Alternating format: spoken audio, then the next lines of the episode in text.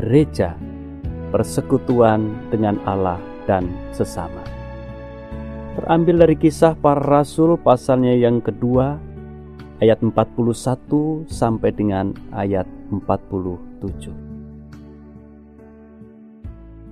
Orang-orang yang menerima perkataannya itu memberi diri dibaptis dan pada hari itu jumlah mereka bertambah kira-kira 3000 jiwa. Mereka bertekun dalam pengajaran rasul-rasul dan dalam persekutuan. Dan mereka selalu berkumpul untuk memecahkan roti dan berdoa. Maka ketakutanlah mereka semua. Sedang rasul-rasul itu mengadakan banyak musisat dan tanda dan semua orang yang telah menjadi percaya tetap bersatu, dan segala kepunyaan mereka adalah kepunyaan bersama. Dan selalu ada dari mereka yang menjual harta miliknya, lalu membagi-bagikannya kepada semua orang sesuai dengan keperluan masing-masing.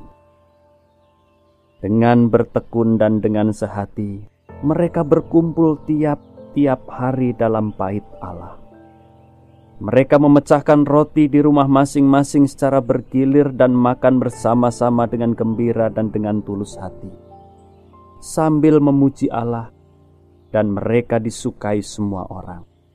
Dan tiap-tiap hari Tuhan menambah jumlah mereka dengan orang yang diselamatkan.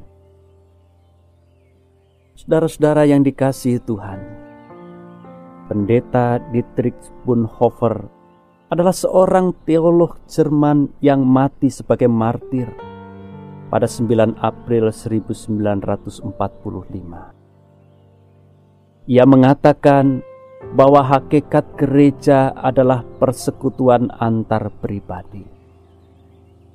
Dalam bukunya The Communion of Saints, ia menulis, persekutuan yang disebut gereja tersebut dibangun oleh cinta purna lupa diri. Relasi hubungan aku engkau bukan lagi hubungan yang bersifat menuntut, tetapi memberi. Uniknya, persekutuan yang disebut gereja bukan hanya bersifat sosiologis, namun juga teologis. Bukan hanya horizontal, namun juga vertikal. Persekutuan ini bukan hanya menyangkut persahabatan antar manusia, namun terutama persahabatan dengan Allah. Justru di dalam persahabatan dengan Allah itulah segala sesuatu dibangun di dalam gereja.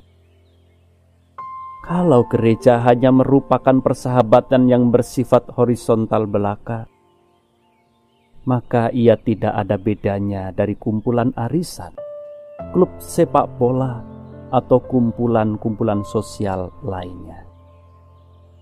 Saudara-saudara yang dikasihi Tuhan, dalam jemaat mula-mula, persekutuan itu dibangun oleh karena respon mereka terhadap cinta kasih Allah. Cinta kasih itu pula yang menjiwai kehidupan bersama setiap anggota jemaat rindu untuk membagikan berkat dari Allah agar orang lain menikmati apa yang mereka nikmati. Love, care, and share. Kasih, peduli, dan berbagi adalah jiwa dari kehidupan bersama. Kasih dalam jemaat mula-mula bukan cuman basa-basi